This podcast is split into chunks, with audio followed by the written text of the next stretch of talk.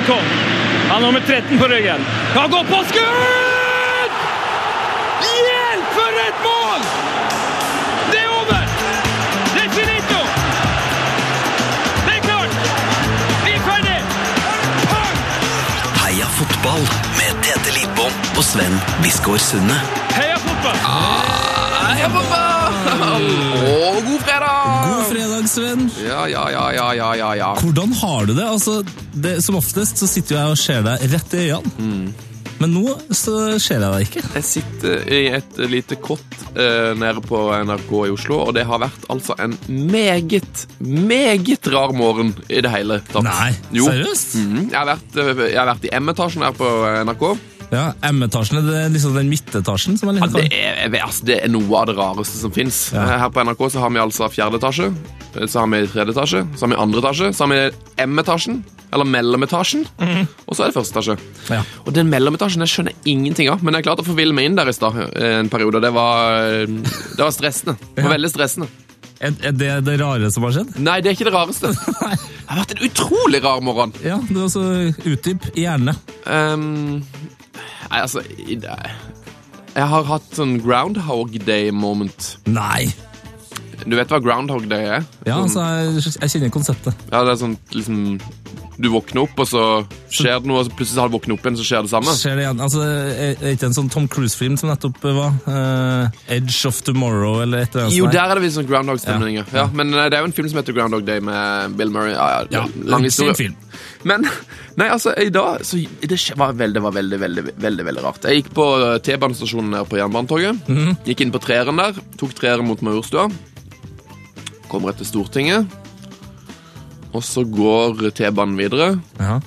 Stopper på Stortinget igjen. Eh, ja.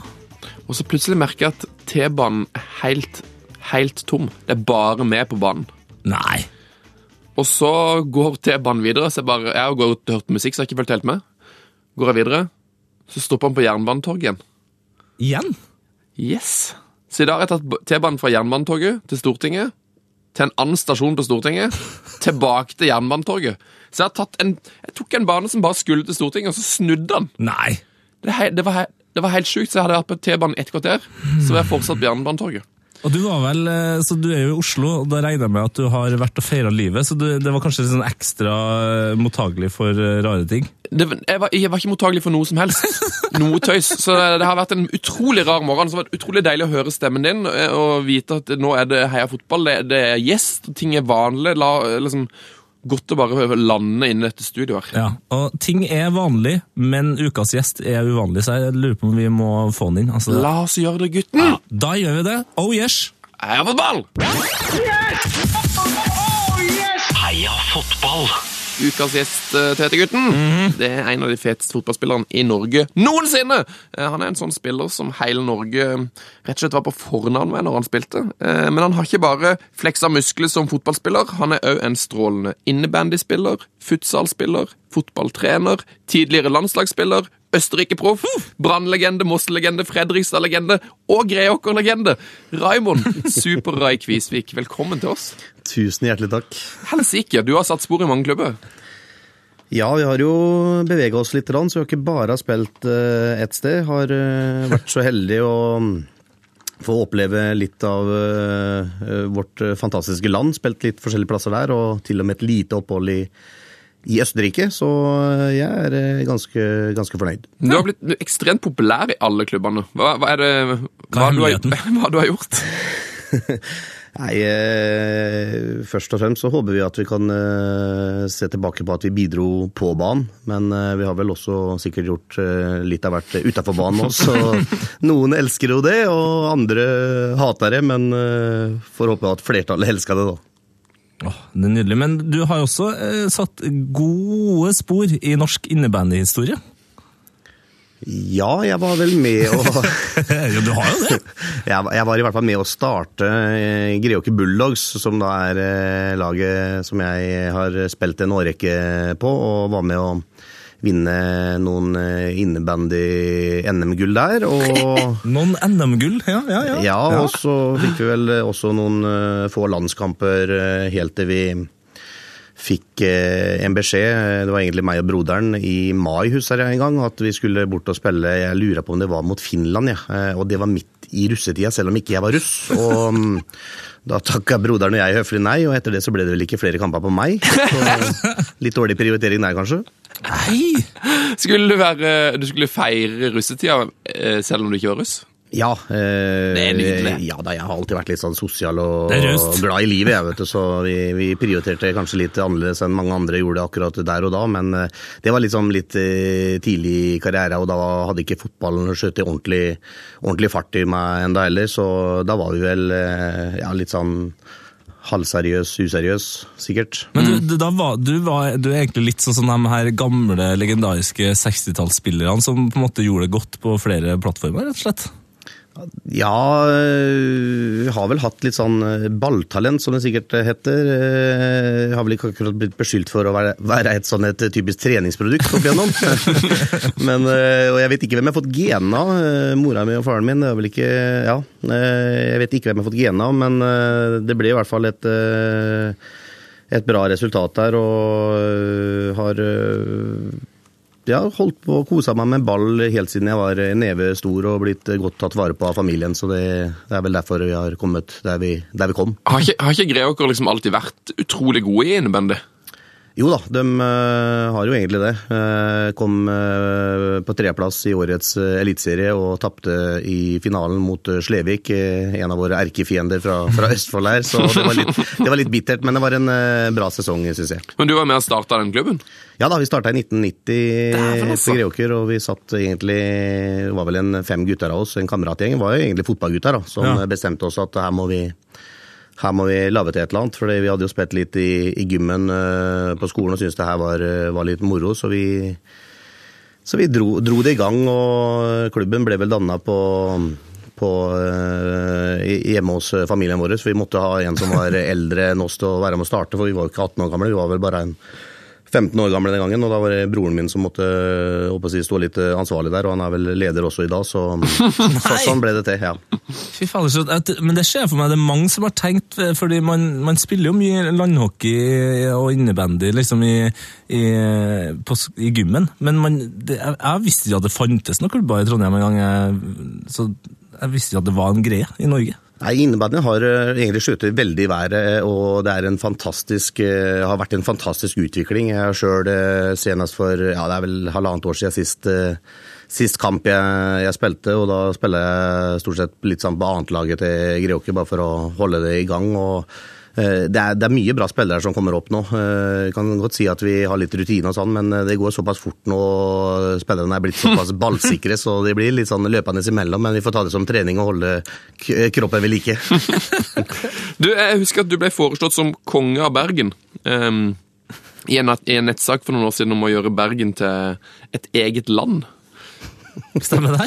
Ja, det, jeg lurer på om jeg har hørt noe om det. Jeg er ikke helt sikker på åssen det, det var, men eh, det var vel eh, sikkert noen eh, hyggelige mennesker som mente på det. Jeg tror nok ikke det var så veldig reelt. Det er sikkert blitt funnet på på et dårlig nachspiel eller et eller annet, tenker jeg. Men, men, altså, jeg, altså, du er jo så elska i, i Bergen. Altså, uansett hvor jeg leser om det, eh, så føler jeg liksom at det er en bergenser som hyller deg. Altså, jeg, altså, jeg ser for meg at når du eh, eventuelt tar deg en tur til Bergen, så er det rød løper og, og, og altså, tog som mottar deg. Folk elsker deg der. Ja, det, jeg hører hva du sier. Det, det, det som er, er at når jeg, når jeg kommer til Bergen, så er det stort sett med fly. da. De, de få gangene jeg er over, jeg har liksom ikke tid til å fly dit eh, hver uke, men eh, de gangene jeg kommer over, enten om det er en kaptein på et fly, eller om det er eh, noen i skranka der, eller et eller annet, så, så blir jeg ønska velkommen hjem. Det syns jeg er veldig hyggelig. Åh, det er fint. Koselig. Det er du og gullet. Det er du og gullet som skal hjem. Gullet skal hjem. Gullet skal hjem, ja. Du, eh, du er, nå, nå er du begynt å jobbe som fotballtrener òg, i Mysen.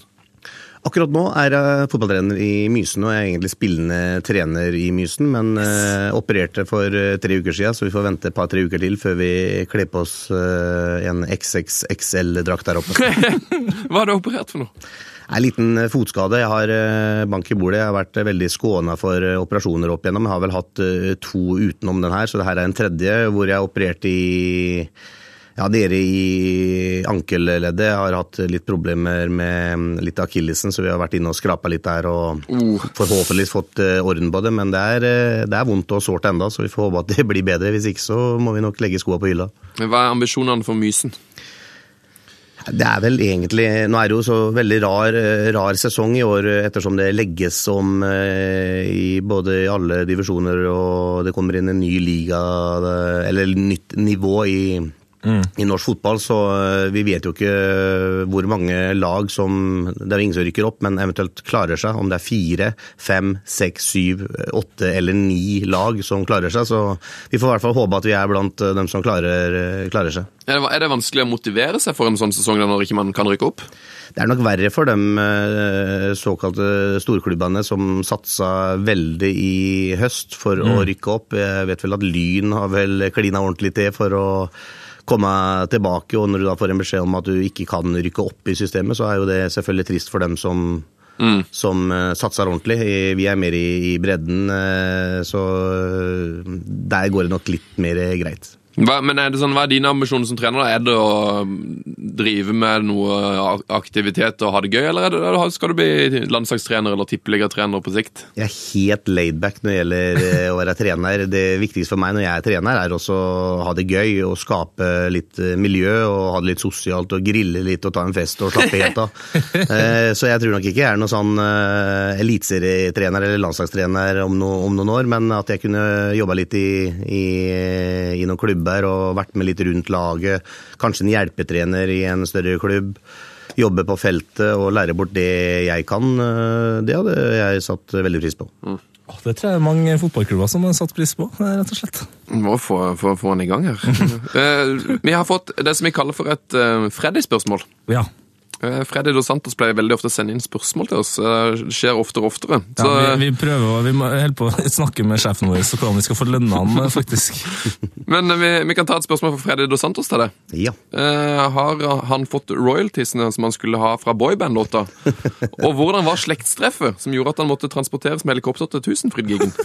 Ja, når det gjelder royalties, eh, så var det snakk om at vi skulle få, etter at vi slapp den derre CD-en som jeg var med i The Players. eh, Jeg tror det var en 8000-9000, ja, men det gikk vel bare tilbake til dem som eh, styra det, så vi fikk aldri noen royalties, noen av oss.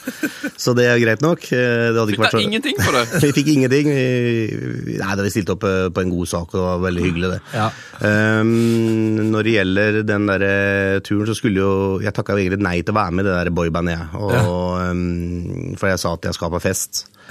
Eh, og så sier de at det er greit, og da henta de egentlig inn en eh, annen en. Eh, for det var, det var Freddy, det var Morten Gams Pedersen, det var Doffen. Og så kom egentlig Øyvind Svenning inn fra høyre og tok plasten min. Eh, Så ringte de meg, sa, ringte meg etterpå at de hadde snakka litt rundt det her, og de ville ha meg. Så, liksom, ja, men så sier de at jeg, jeg er på fest, og jeg er ikke, jeg er ikke på nett eh, når den eh, opptredenen skal være på Tusenfryd på en lørdag. Så, men det er klart, hvis dere henter meg i privathelikopter, så skal jeg stille opp, men da, da kommer jeg i den stand jeg er i. For da tenkte jeg at da går jeg fri, for det, det tør, de ikke å satse på. Og, og så ble jeg oppringt fem minutter etterpå. Vi godkjenner alt, vi henter deg, du kan komme akkurat i den stand du er i. Så da, da ble det privat eh, helikopter, ble henta i Tønsberg, eh, flydd inn og landa helikopteret siden av der han eh, Ravi hadde sitt helikopter. Og når, jeg går, når jeg går opp alene oppover der og prøver å treffe veien, så kommer Ravi med to livvakter nedover, og så var det to uh, artiststjerner som hilste på hverandre. Det er jo helt nydelig. Jeg vil jo høre om denne festen du var på. Nei, Det var eh, bare et sånn sosialt lag, eh, egentlig. Det var ikke noe, var ikke noe egentlig slektstreff.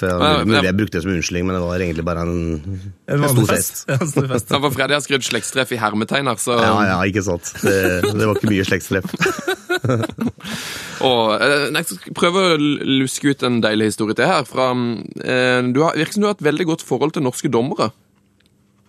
Ja da, jeg har hatt eh, tenker ikke på det med rettsvesenet nå. Nei, jeg har ikke vært så involvert så mye der.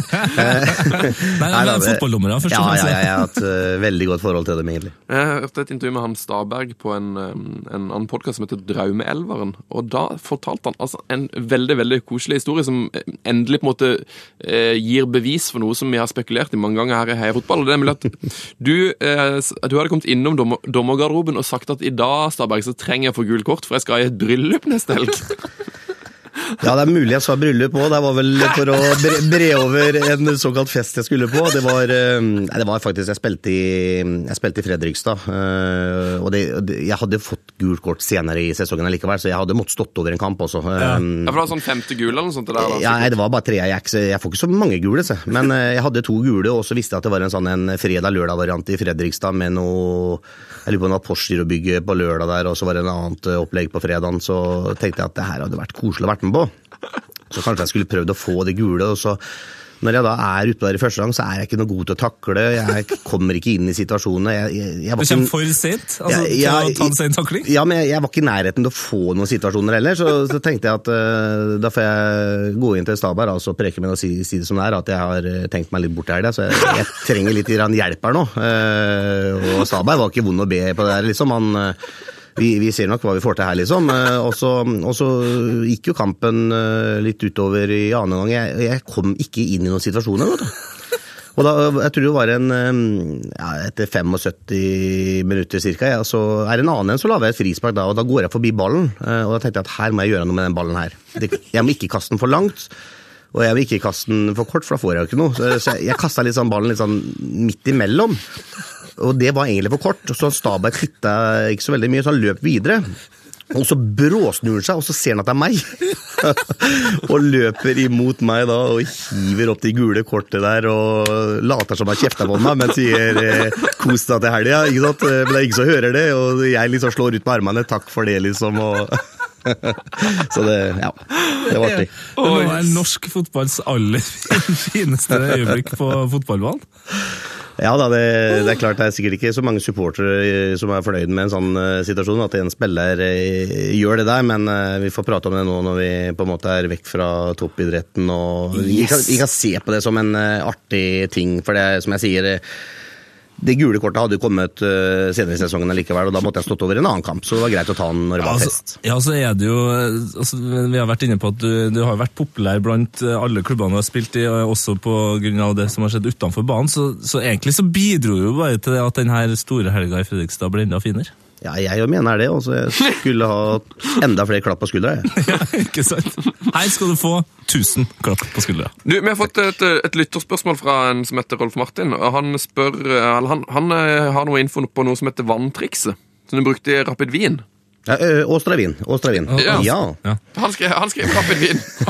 Ja, nei, det var i Åstra Wien. Jeg spilte jo én sesong eh, der, og eh, vanntrikset, da vet jeg vel egentlig hva han snakker om. fordi at eh, vi skulle jo, mm, vi skulle jo veie oss inn da, før eh, Vi spiller jo selvfølgelig høst-vår der nede, og før vi dro hjem i juleferie, så skulle vi veies inn, og da var det en eh, en polakk på laget, og jeg som selvfølgelig skjønte at her må vi være litt smarte, så vi tok med oss tre halvlitere med vann inn på bakrommet og nibælma det der, sånn at vi fikk opp eh, vekta litt, så vi hadde litt å, å gå på.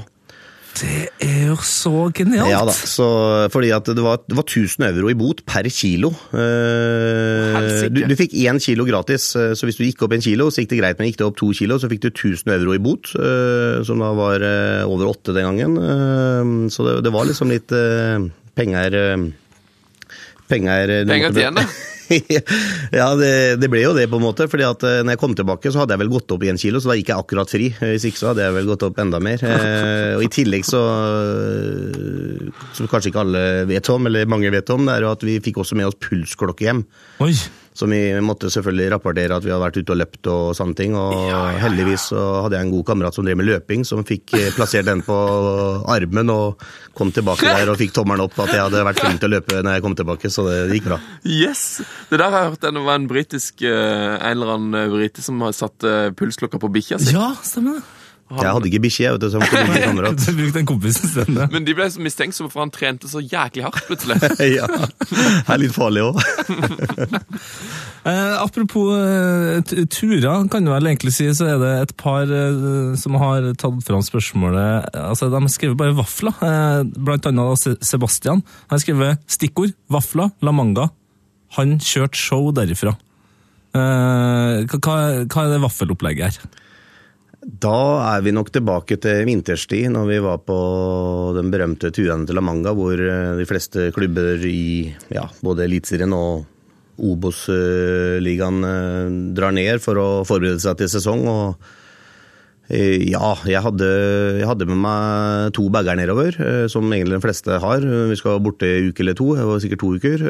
Og den ene bagen hadde jeg mm, Vaffelrøre, dobbelt steke vaffelstekejern, eh, syltetøy, kjeks osv., osv., osv. Så det var én egen bag til det, og så var det én bag til litt eh, penklær. eh, Ett stykke eh, treningssett og ett par eh, fotballsko, for jeg hadde ikke plass til mer enn ett par fotballsko.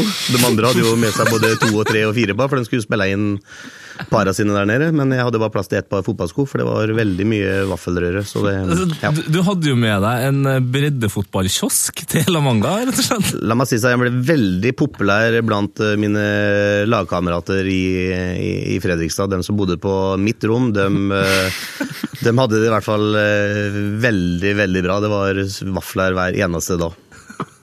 Herregud. For et, eh, for et opplegg. Hva, hva sa treneren, da? Han var ikke så veldig mye inne og spiste vafler hos oss, for å si det, for å si det sånn. Men eh, jeg tror nok han fikk greie på det sikkert etter hvert, vet du, for det er eh, Ja, folk preker. Sånn er det bare. Folk preker med vafler. Vi har tatt, et veldig viktig spørsmål fra vår kollega Niklas Baarli. Ja.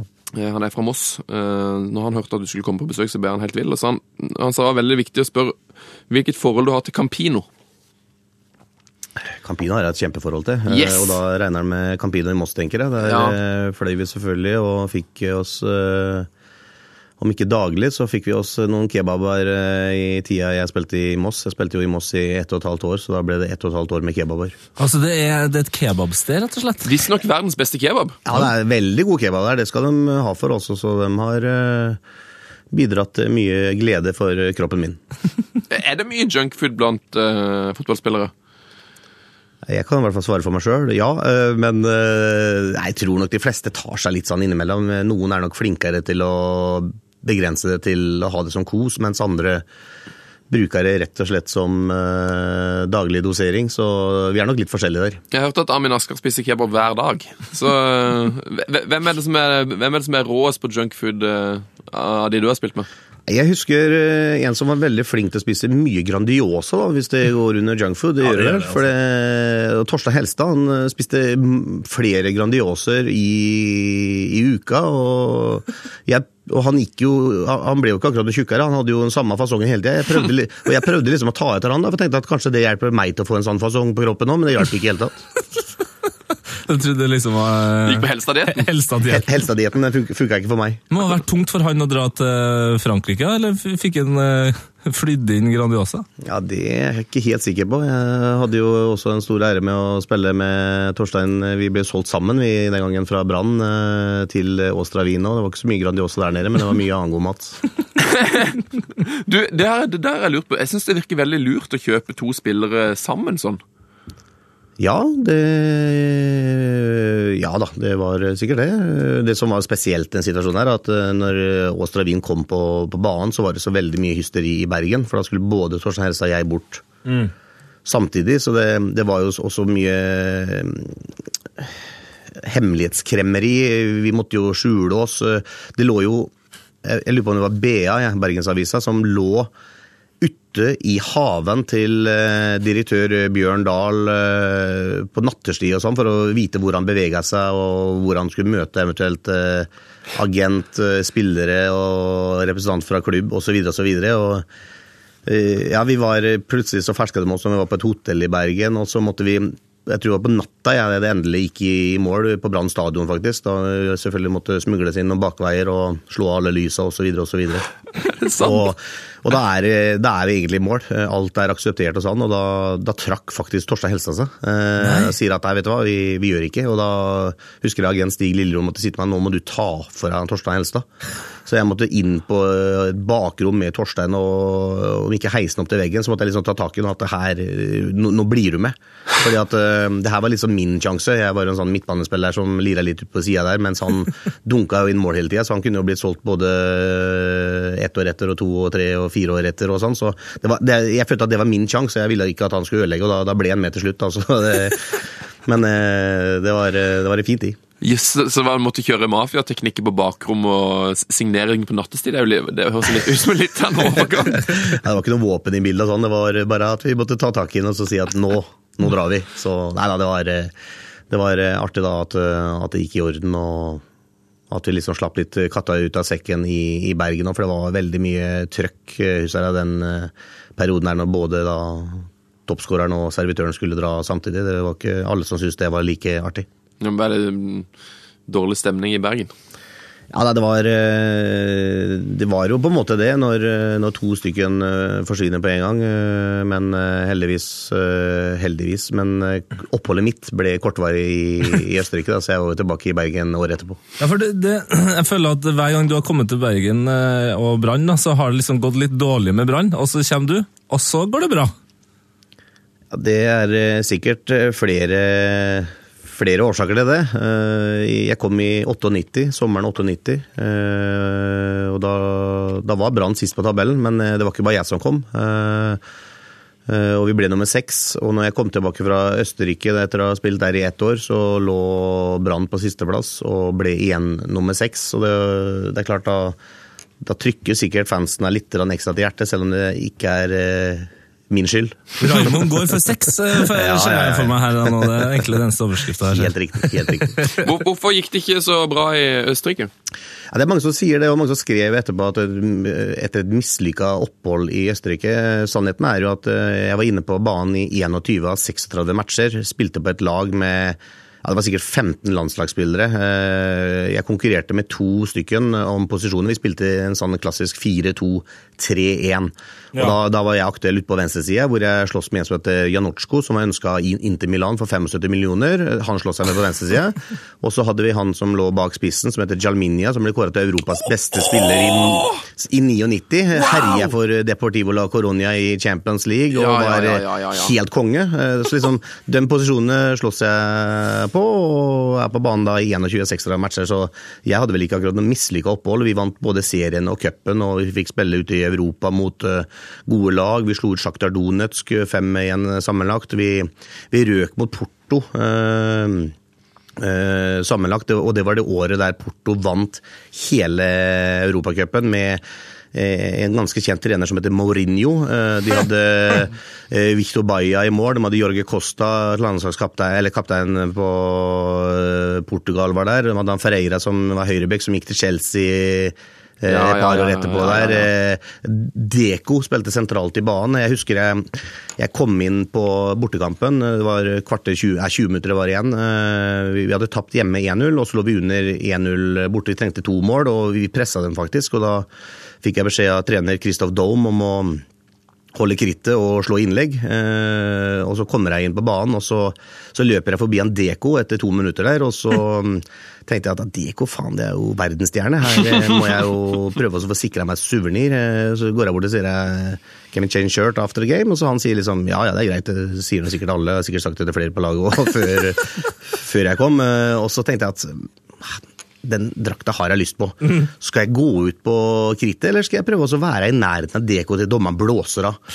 Eh, Sannheten er jo at jeg egentlig bare Jeg skal ikke si jeg kjørte mann-mann, men jeg var ganske nærme han sentralt i banen resten av kampen. Jeg var ikke ute og slo et innlegg. eh, Og akkurat når dommeren blåser av, så står jeg rett siden av ham og så bare sier jeg 'change'. Ja, greit, sier han. Og så fikk jeg drakta hans. da. Jeg er stolt av drakta hans, jeg tror ikke han er like stolt av drakta mi. Han, skulle ha bare visst, hadde han vært mer i Bergen, så hadde han skjønt eh, hvor vill den drakta Da hadde han vært stolt. Så det var, der, det var antakeligvis derfor du bare ble ett år i Austria-Wien? At eh, Han Kvisvik hører jo ikke etter. Nei, nei, nei, det er jo ikke sånn man får beskjed om. Så eh, nei, det var eh, artig tid. Vi hadde en annen trener før han Christoph Daum, og akkurat når sesongen var over, så fikk han Christoph Daum eh, fyken, selv om vi vant til dobbel, og inn kom Joakim Løv. Så liksom det, det, det, var mye, det var mye forskjellige trenere og mye artige navn. Altså, vi, har jo, vi hadde jo Arild Stavrum som gjest, og han har også hatt Kristoffer Dam som eh, trener. Jeg hadde eh, mange fine historier om han, men så Løv! Du har hatt Løv som trener? Ja, Han eh, tok vel over akkurat når jeg eh, gikk av, ja. så jeg fikk vel ikke oppleve en, noe, noe særlig, men eh, men eh, Torstein Helstad var igjen der, og Sigurd Rushfeldt, som jeg også spilte med i Østerrike, de hadde Torstein Løv, eller Joakim Løv som trener. Hvordan, eh, hvordan kommer han til å gjøre det i EM med Tyskland liksom, tror du? Joakim Løv? Ja, jeg tror han eh, kommer til å gjøre det bra. Ja. De har jo vært eh, gode over lang tid i Tyskland, så det, det er vel fort eh, minimum kvartfinale, og kanskje enda bedre, ja.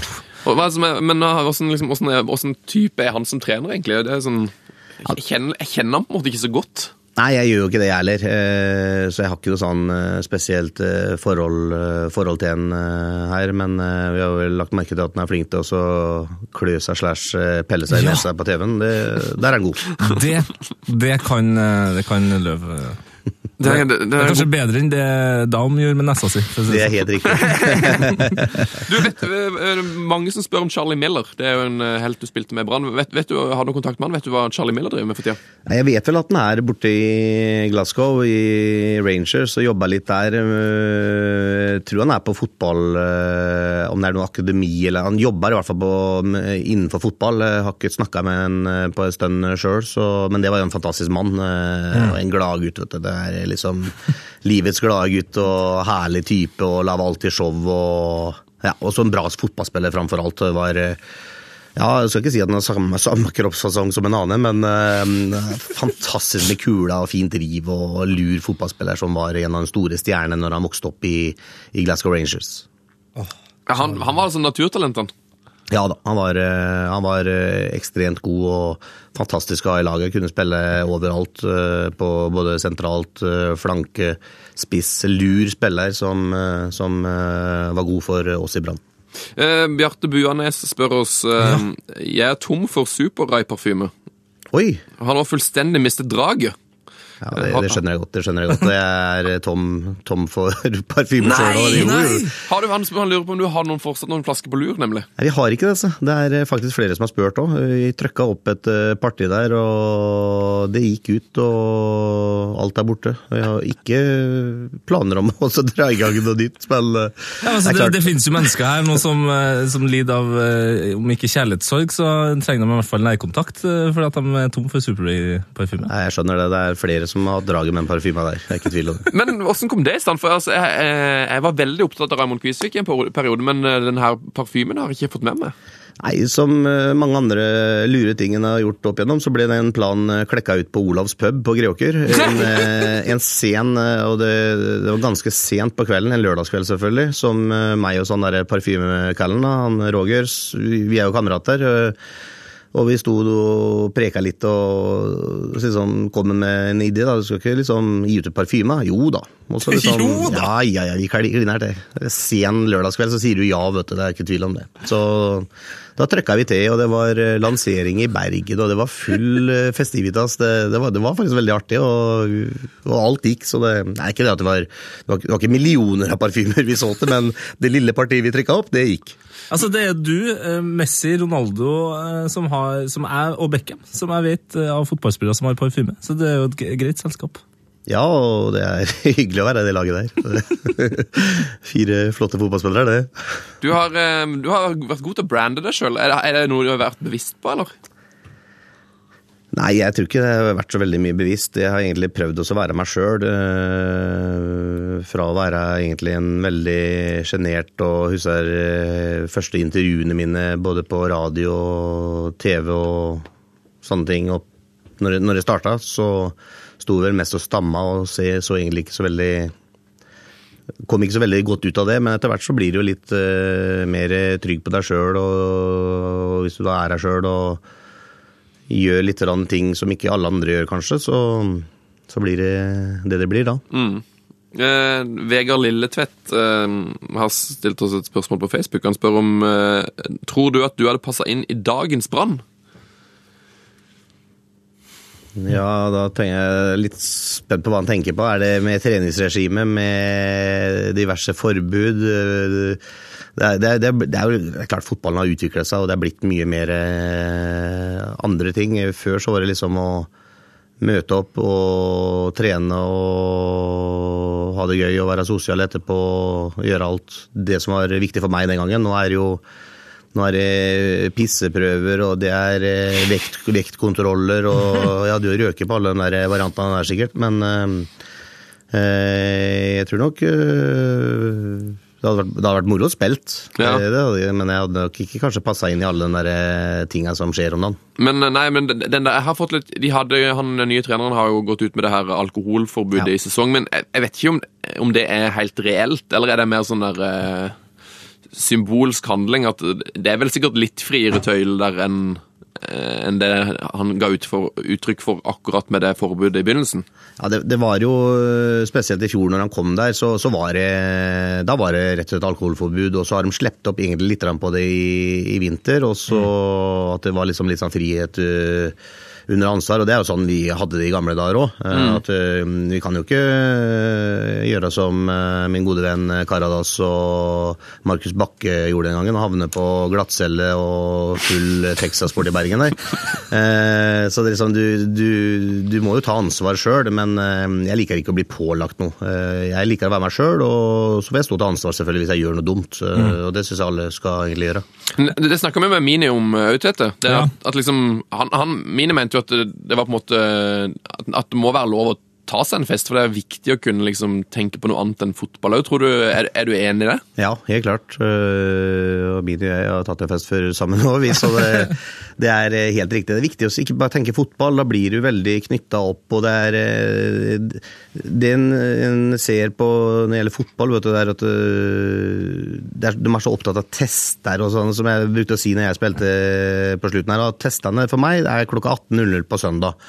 Det er testen. Eh, Men det skal løpes, og det, skal, det er O2, og det er, ja, det er så mye rart som skjer, istedenfor å spille fotball og få folk til å slappe av når de spiller fotball. For det er- et press du skal levere når det er eh, 5000, 10 000, 15 000, 20 000 på tribunen, og det er ikke alle som bare heier på deg. Er du på bortebane, så er det sanger om Grete Rode når jeg spilte, selvfølgelig, fra Vålerenga-fansen, og det var ikke sant, du blir pepra med meldinger, og da hjelper det ikke om du har 800 i O2, vet du. du må ha baller og stål. ikke sant? Du må gi faen, du må tørre å svare da med Skal du da begynne å skjelve når folk roper på deg, eller skal du ta en tunnel foran klanen, f.eks.? Det er det det handler om. Så det, det hjelper ikke med pissepauser og testing og vektkontroller. Åssen var, Christoph Daum på, på frie tøyler? Nei, det, ja, det er eh, Det som var i Christer Dam Dom, Vi hadde alltid sånn én-til-én-samtale. Høres skummelt. Eh, Det, det hadde alle med Christer Dam. Men så kom jeg, og så preka vi litt, og da skulle han vite parfyme. og Da kunne jeg ikke si at jeg hadde superbra parfyme, for den var ikke oppfunnet akkurat da. Men uh, jeg fortalte om det, og favorittfilm og sånn, og så begynte vi å prate litt. Og så, så ble han og jeg liksom litt sånn mer og mer at vi var liksom kanskje like, da. Ja. Så sier han at vet du, Ramon, nå legger jeg bort øh, pennen, og så preker vi litt. Og så ble vi litt enige om, for han bodde jo egentlig i nærheten, at hvis jeg skulle gå meg en tur dit, så kunne jeg gå dit og dit, men ikke der, for der kanskje var han. Og, vi, vi fant tonen veldig bra, da. Men det, jeg, hadde, jeg har en veldig fin historie fra Christer Dahm. en Fantastisk eh, mann. Vi var på treningsleir i i Tyrkia, og så øh, Da var vel det her rundt vinterstid, før vintersesongen skulle starte igjen. da, Eller andre halvdel for oss. Og da, da gikk det en av hver spiller. Og vi sitter da i gruppe, vi er jo sier, to, fem, to, fire, to, tre, 24 spillere her og ledere her. Vi sitter i en rom, og det er, liksom, det er mye fornuftige fotballspillere inne her. Og så var det sikkert en 15-16 landslagsspillere fra diverse land og sånn. Så de hadde et jækla bra lag, vet du. Og så går han gjennom hver enkelt, og så kommer han til meg, da. Og så bare sier han eh, selvfølgelig på engelsk, da, men eh, jeg kan ta den norske versjonen der, for den eh, går ikke an å mis mistolkes. Raymond Kessik, eller Raymond, da. Raymondo, som han kalte meg. Du er for feit. Og så gikk han til neste. Så det var klart til alle, og alle, alle holdt jo på å le seg. Jeg syntes det var jævla moro, da. Men jeg, jeg hadde jo selvfølgelig baller nok til å tåle det. Fordi, men det er, det, er en, eh, det er en tøff eh, beskjed å få. Ja, det men, skjønner jeg jo. eh, men vi så litt humor i det òg. Å, fy fader. Um, du snakka litt om Azar Karadas her i stad, og Arne Svendsen har sendt inn spørsmålet. Du har sikkert noen gode historier om veddemål med Azar? Ja, herregud, det, det, var, det var sånn føljetong i norsk presse. Det, synes det, var, det, var, det var mye vedding på dere to. Ja, det, ja, og så er det nok, det er nok en smule overdrevet òg. Vi, vi, vi gjorde mye kødd. Vi, vi spilte litt eh, med media der òg. Vi, var- vi kødda mye. Vi sa det var veddemål, det var ikke alltid det var veddemål. Og det, det ble nok en litt sånn dratt ut av en del eh, sammenhenger. Men vi kan ta én historie med Kanskje ikke akkurat når det gjelder veddemål, men vi kan ta en annen variant inn Ja. mot uh, Bergensavisa. fordi at eh, da det, det var en som var ny på jobb, da hadde ringt Assar, og Assar og jeg visste hvor vi hadde hverandre. Så når, han, når jeg fikk en telefon en journalist, og han begynte å si at jeg snakka med Assar, han snakker om en leilighet. Og da, da visste jeg at han sikkert begynte å prate om et eller annet der, og så må jeg bare dra det her videre. Og da sier jeg at ja, da stemmer det at vi har kjøpt oss en leilighet sammen i Torrevieja, begynner jeg å si da. vet du. Så, men jeg vil ikke gå i detaljer, det får du ta med Assar. Så han ringte jo fram og tilbake, og vi kjørte jo bare lenger og lenger. Og dagen etterpå kom det dobbeltsida i BA da, at her er Assar og Raumas nye ferieparadis. Vi hadde jo ikke noe leilighet der nede, det var bare ljug og faenskap, så vi ødela sikkert mye for han, men vi var litt sånn den gangen. eh, Litt, litt, litt artig, men det var selvfølgelig ikke hyggelig for han vi kødda med, da, men som, det- sånn sånn var innimellom. Han fikk, fikk så dobbeltside, han, da. Vi fikk ei dobbeltside. Jeg vet ikke om han fikk så veldig mye klapp på skuldra av den artikkelen etterpå, når jeg måtte ut og si at det var bare kødd. Jeg tror ikke han jobba i BA så veldig lenge heller. Han var helt ny òg, stakkar. Så det, det, ja, det, var- det, det, det er noen ting jeg får dårlig samvittighet for, faktisk. Ja, men, altså, det, men det er en såpass god joke, tenker jeg da, at eh, og, og, eh, Kanskje han ikke fikk noe dobbeltside etter det, men han fikk i hvert fall en dobbeltside. Det gjorde han. Ja. Hva, hva var greia med det huset? Hvem snakker du om nå? Det det var vel Ernst Dahl Lersven Å og ja, ja, ja, ja, det huset på Saltnes, ja. Der, eh, der kjørte vi den selvfølgelig, vet du, og vi fikk jo med Det var etter at de spilte mot HamKam eh, borte med, med, med Fredrikstad. Og så var det sånn at uh, han lederen i Plankehaugen den gangen, en som heter Ulf Berg, en fantastisk mann, han uh, Vi ble enige om å så, kødde litt uh, der, og hvor, hvorfor de var med å hjelpe til å bidra og bygge litt der. Og så eh, laga vi en sak om at eh, Eller vi ble enige om at vi skulle kjøre at nå, nå drar vi og henter utstyret. eh, Og det kan de gjerne filme, for nå er vi drittlei og du presterer ikke på banen og sånn. Eh, og de kom og filma der mens de kjørte vekk med utstyr og sånn. De kjørte egentlig bare en runde og lagra det litt lenger opp i gata. ikke sant? Og ble med ut på sånne De har sånn eh, masse dyr ut på gården sin. eh, Og han Ulf Berg han- er jo verdens snilleste. Han, han, han hadde ordentlig brydd når han tok et intervju hvor den ene grisen minna om Raymond og løp like mye som Raymond på banen. og De laga jo den saken på det. ikke sant? Det var jo bare tull i hele greiene. Så Ernst var vel ikke helt fornøyd med den, men Ernst vi er gode venner. Vi, det, vi har eh, vært litt eh, på hverandre begge veier, så det går bra. Det er Godt å høre. Eh, Joakim eh, Jonsson har stilt et spørsmål òg. Oi! Eh, han er jo eh, sikkert en bekjent av det. Ja. Eh, han spør hva, hva er det som feiler FFK for tida? Er det da jeg skal si at etter at han dro fra klubben, så har det rakna som et korthus? Så er det, Kanskje han er ute og fisker? ja, ja, det er det han ville høre nå, sa Jokke. Nei, det er nok, eh, det er nok litt eh, sammensatt. Det har vel vært eh, sikkert eh, mye rar styring over, eh, over lang tid. og har jo blitt kjørt lenger og lenger ned i, i grusen og holdt jo på å ende med nedrykk til andredivisjon. Ble redda av Glenn Andersen fra Jerv fem minutter på overtid i fjor. Hvis ikke så hadde klubben vært eh, brekt akkurat eh, per dags dato. Men ble redda, fikk en ny sjanse, og nå har de henta inn Jan Halvor og henta inn nye spillere her, og allikevel så, så går det ikke på skinner. Så det er nok eh, det er nok vanskelig å si. Er nok, eh, jeg kunne sikkert sagt mye. Eh, Det viktigste er at en eh, får inn rette folka. Det er ikke snakk om som trener, men få de rette folka inn i forskjellige posisjoner i klubben. Og få ta vare på folk som har vært der før, kanskje. Og begynne å bygge opp klubben litt som Folkets klubb eh, fra starten av igjen. Det tror jeg de kunne begynt med. Ja, for det, det er jo en klubb som burde være i Tippeligaen. Ja, Det er en klubb som eh, hele Norge har et forhold til, og det er jo trist eh, med en stadion som tar 12 500 mennesker. Eh, spiller nå for sist hjemmekamp, så var det vel 3500, og da var det vel nesten 3000 sesongkort, så det var nesten ikke folk på stadion. Nei. Eh, Så det er, det er jo selvfølgelig trist å se for alle som bryr, bryr seg om Fredrikstad. og Husker du når vi spilte der, og det var jo i hvert fall første to åra så var det 12 500 hver eneste hjemmekamp. Det koka i byen, og det var liksom Ja, det var én for alle, alle for én, som det så fint heter. Og eh, det er selvfølgelig en ordentlig nedtur at Fredrikstad havna der de er nå, men eh, veien eh, opp er ikke så lang også. Det er bare at det må gjøre selvfølgelig rette grepet. Det er ikke bare eh, å gå bort og si at du skal gjøre det, det og det, så blir det bra. Det er ikke det, er ikke det jeg mener, men eh, du kan i hvert fall begynne med noen enkle ting som de de eh, vet de kan gjøre. Få inn folk som har lyst til å bidra og som er glad i klubben, og få folk til å ha trua på det, istedenfor at eh, mange er eh, forbanna og bitre på klubben og prater bare negativt om det, så sprer det seg. Det er ikke noe heldig for Fredrikstad heller. Så det viktigste er å få folk som bryr seg om og som kan hjelpe til. Det er jo, eh, for, for å snakke for meg sjøl, da. Nå er ikke jeg noen supertrener, trener, blir jeg sikkert aldri heller, men jeg har jo hatt mine ting på banen som jeg kanskje var kjent for. Jeg var en god avslutter, og jeg hadde gode innlegg eller pasninger. Hvorfor kan ikke f.eks. jeg brukes til å hjelpe til der? Ikke sant? Så det, er sånn, det er sånne småting. Eh, Jeg sier ikke at jeg er noe unikum, men det må jo gå an å spørre oss om vi kan hjelpe til litt. Eh, Det, det, det er bare én av sikkert mange andre vi kan spørre også. Ikke er vi dyre heller. Nei, men er det sånn, kunne du, eh, kunne du godt tenkt deg på en måte å, å bidra til Fredrik sammen, men det, er måte, det er ikke mulig fordi de kjører sitt eget løp? Er det er det, er det, det du sier mellom linjene der?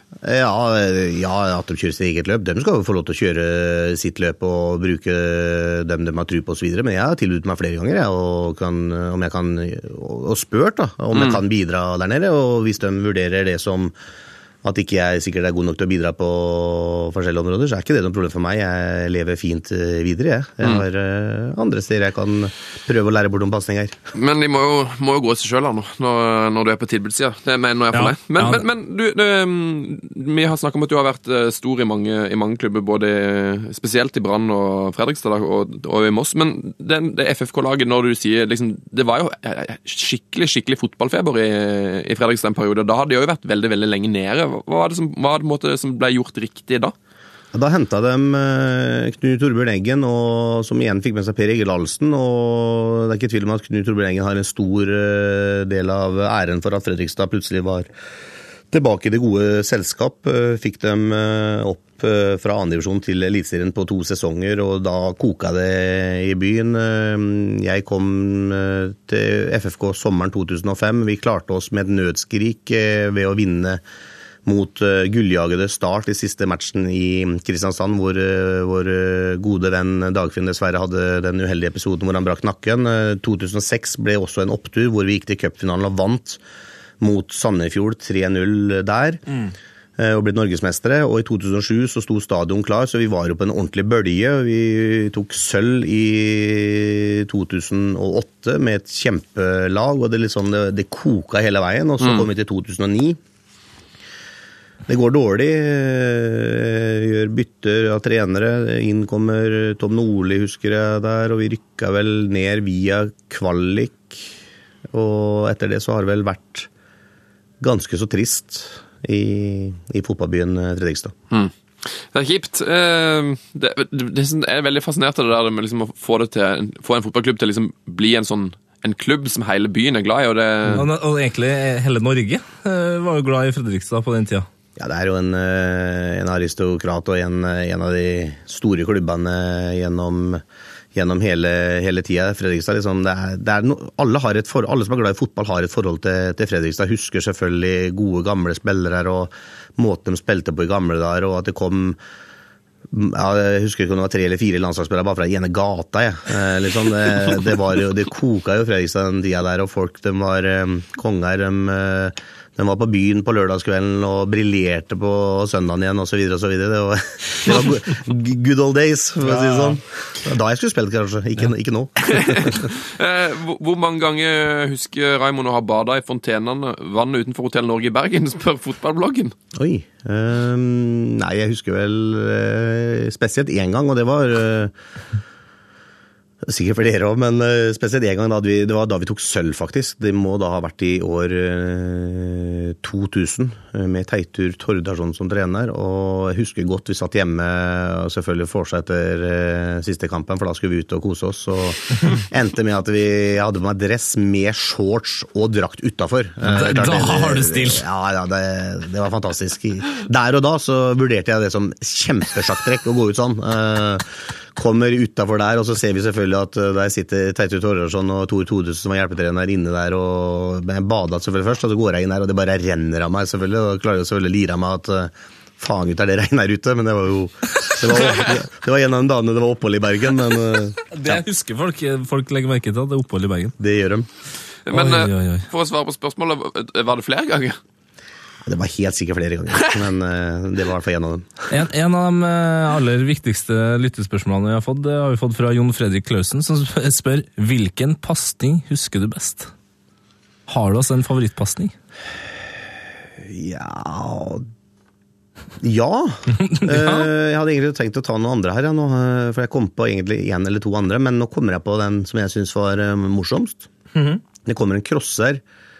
Eh, Det er Brann stadion. Jeg vet ikke om det var Gjermund Brennesæter som for en gangs skyld traff en pasning motsatt der. Eh, Og så kommer Erlend Hanstveit på en måte på en overlapp, og så snur jeg meg i lufta og ryggen eh, tar han på ryggen slash skuldra, og den detter rett ned i bena hans når han er på løp. Den syns jeg var eh, fantastisk, men eh, det var kanskje ikke en sånn pasning dere hadde Jo, altså, jo, sånn, det, er, det her mener jeg faktisk jeg kan huske, fordi det, jeg, jeg føler jeg liksom, jeg har sett deg og Ronaldinho gjort der. Eh, Jeg kan ikke huske å ha sett så veldig mange andre fått det til. Altså, så Nei, det, det var en ekstrem, men det er klart jeg har hatt noen sånne baller som har på en måte gått rett over forsvaret og, og landa på et ben der òg, som hadde igjen bl.a. blant annet i semifinalen det året vi vant cupen med Fredrikstad i 2006, som gikk eh, rett på benet til han eh, Tarek. Jeg tror det var faktisk en 60-meterspasning. Det er sånne ting jeg husker i hvert fall godt. da. Det er deilig. at man, Det er så rart det at man eh, altså, Hvor mange hundre kamper du har spilt, så husker man allikevel de der eh, øyeblikkene. Ja, det er, det er deilig. Også, når jeg sier 60, så er jeg ikke sikkert han var mer enn 40, men det er deilig å legge på litt. ja, det er viktig. Altså, det er viktig. Men, Vi sø- 70 om et par år. ja, ja, ja, ja. Men, legger og legger. men var det noe du bevisst trent på når du var liten? For du, du hadde jo en helt sinnssyk pasningfot og, og, og frispark og skudd. Ja, og det er, eh, jeg trente mye på det. Uh, Egentlig så var jeg jo eh, Jeg var ganske lik med begge ben, eh, men så måtte jeg operere eh, i, i, i 98, tror jeg jeg måtte operere, for noen jumpers, ni og nerveklem, så da ble høyrebenet litt dårligere. Men, eh, men eh, uansett, altså, jeg husker i hvert fall da jeg var liten, da, mm. så, så trente jeg veldig mye. Jeg tok med ballen ned på Moa, ned på Gråker. Og så trente jeg på å treffe tverleggeren Eh, fra fem meter, fra syv meter, fra ni meter. Ikke sant? For å få den der følelsen. Og du Så jeg sto og terpa, terpa, terpa for å treffe da tverleggeren fra forskjellige distanser. Alene. Ja. oh. Deilig. Hvor mange, hvor, mange, hvor mange timer har det blitt? Ja, det ble mange timer. Det er, eh, det er mange som sier at jeg ikke har trent så mye, men jeg har faktisk trent så del. Eh, vi vi skal snart gå videre og ta ukas drømmelag, men eh, vi tar et spørsmål fra mm, Håvard Foss Aamodt, som lurer på hvilke andre klubber du har vært nære på å signere for. Uh, ja, da kan vi ta Vålerenga. Oh. Det var, i, det var med Vidar Davidsen som trener. Det var i Skal vi se Det var eh, nitt- før 97-sesongen, så var jeg inne og trena med dem, og det gikk egentlig ganske bra. Og jeg skulle operere for, um, for lyskebrokk, Ja. og um, da turte ikke dem å ta sjansen, faktisk. fordi at uh, da hadde legen deres vurdert at det var en risiko og sånne ting. at Da turte de ikke. Og da hadde jeg også Knut Torbjørn Eggen, uh, som da var trener i Moss, som uh, var og titta på um, Han titta på den siste, eller siste kvalikkampen uh, vi hadde Da spilte jeg i Sarpsborg fotballklubb. Eh, og da var han og titta på den. Han kom ikke til første gang fordi at han var uh, forsinka. Og da var jeg banens dårligste. Desidert dårligste. Det var 0-0 til pause, og så vant vi 2-0. Jeg tror jeg skåra begge i annen. Og da ble han imponert, så da henta han meg istedenfor uh, for Vålerenga. Eh, det er den ene der, så jeg kunne vært Vålerenga-spiller istedenfor Brann, for det her var jo før branntida. Um, og så er det egentlig den eh, nærmeste, som ja, helt klart nærmeste, er at jeg skulle spilt i Sarpsborg 08 i Det var i 2008 òg. Nei, i 2000 og, Skal vi se. I 2008, jo. Yes. Da blir jeg, får jeg beskjed at jeg kan gå hvis jeg finner meg klubb. øh, Og da er jeg hjemme hos øh, Conny Karlsson som var trener, han som trente Haugesund. Ja, ja, ja, ja, sånn. ja. Ja, ja, Var hjemme på terrassen hans, og han lurte på ja, gidder du å dra til Alta. og gidder du? Ja, jeg, ikke noe problem. Jeg er klar. Og vi ferdigforhandla og sitter egentlig på et rom, øh, jeg tror det er Tune gård heter det, oppe i Sarpsborg her. og med styre og hele pakka er ferdig og skal bare trykke på knappen. og Da vil de ringe, for da skal jeg presenteres fredags morgen klokka ti før trening. Og Det her var torsdagskvelden, og da skulle de bare ha en siste godkjennelse fra Fredrikstad.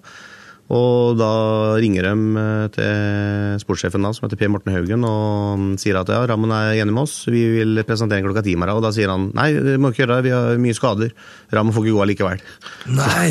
Så da, da plutselig så, så gikk alt feil vei der, og da, da var vi jo enige. Vi hadde forhandla fram alt sammen, alt var klart, og det var en treårskontrakt. Og, og da, men da røk det akkurat når vi skulle presenteres. Nå var tolv timer unna å gå til Sarpsborg. Det er helt riktig. Yes. Små, små marginer, altså. Det er det. Herregud. Jeg, jeg tror det, eller eh, Har du hatt mye, mye Er det mye tilfeldigheter som styrer en sånn karriere? Ja, det, definitivt. Jeg husker eh, når jeg kom til Brann, hvor jeg var eh, bare en ja, et lite kommategn i norsk fotball, og jeg kom dit og så begynte å spille der. og Skåra i debuten min, og skåra i, si i alle de fem-seks første matchene der, men det datt inn noen mål og traff på egentlig alt. Det er det man kaller stang inn. Og da fikk jo jeg en helsikes eh, selvtillit, ikke sant, så jeg kunne jo gå på vannet. Eh, Eh, Kontra jeg, hvis jeg hadde begynt å skjøte utafor og stang ut og keeperen er redda i førsten her, så hadde jeg plutselig vært en ja, kanskje jeg bare har vært en middelmådig tredjedivisjonsspiller eh, videre i karrieren der. Så det, det er tilfeldigheter. Det handler om stang inn, eh, selvtillit osv. Og, så videre, og, så videre. og selvfølgelig så har jeg en fordel at jeg har gitt mye faen. da. Ja. Så Nå underselger du jo litt over hvor god du var i Moss, men eh, det får jo det får så være. Ja da, vi, vi traff jo litt der òg, da. Ja, Det var fantastisk. Eh, skal vi gå til drømmelaget, Tete-gutten? Du, det syns jeg vi skal gjøre.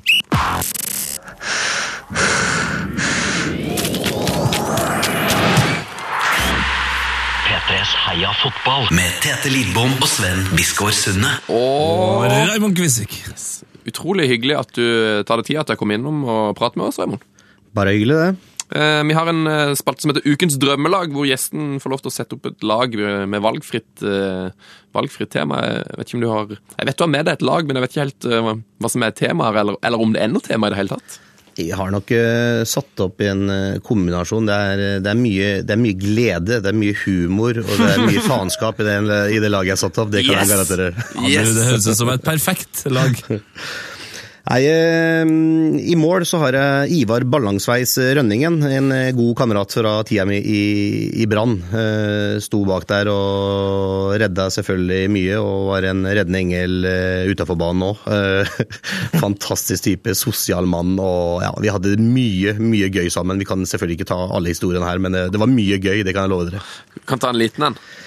Ja, nei da, det var eh, vi, Han har vi, har vi ikke så mye Nei, han var bare egentlig så sosial og fin type og livets glade gutt, og det var eh, Vi, vi kunne spille til og med Jeg lurer på vi spilte europacupkamper, og vi, vi, vi snakka sammen som Vi, vi, kødda utpå banen, så de andre på laget skjønte ikke hva vi snakka om. Vi hoppa opp og så klekka med, med hælene sammen midt i kampen. og Han skulle skyte ut ballen, så hoppa han opp og så slo med hælene, og det visste han jeg Vi hadde sånn veldig humor, han og jeg, da. Så det, det, var, det var mye humor som ingen andre skjønte. Så liksom, hvis trenerne så det, så må de ha begynt å lure.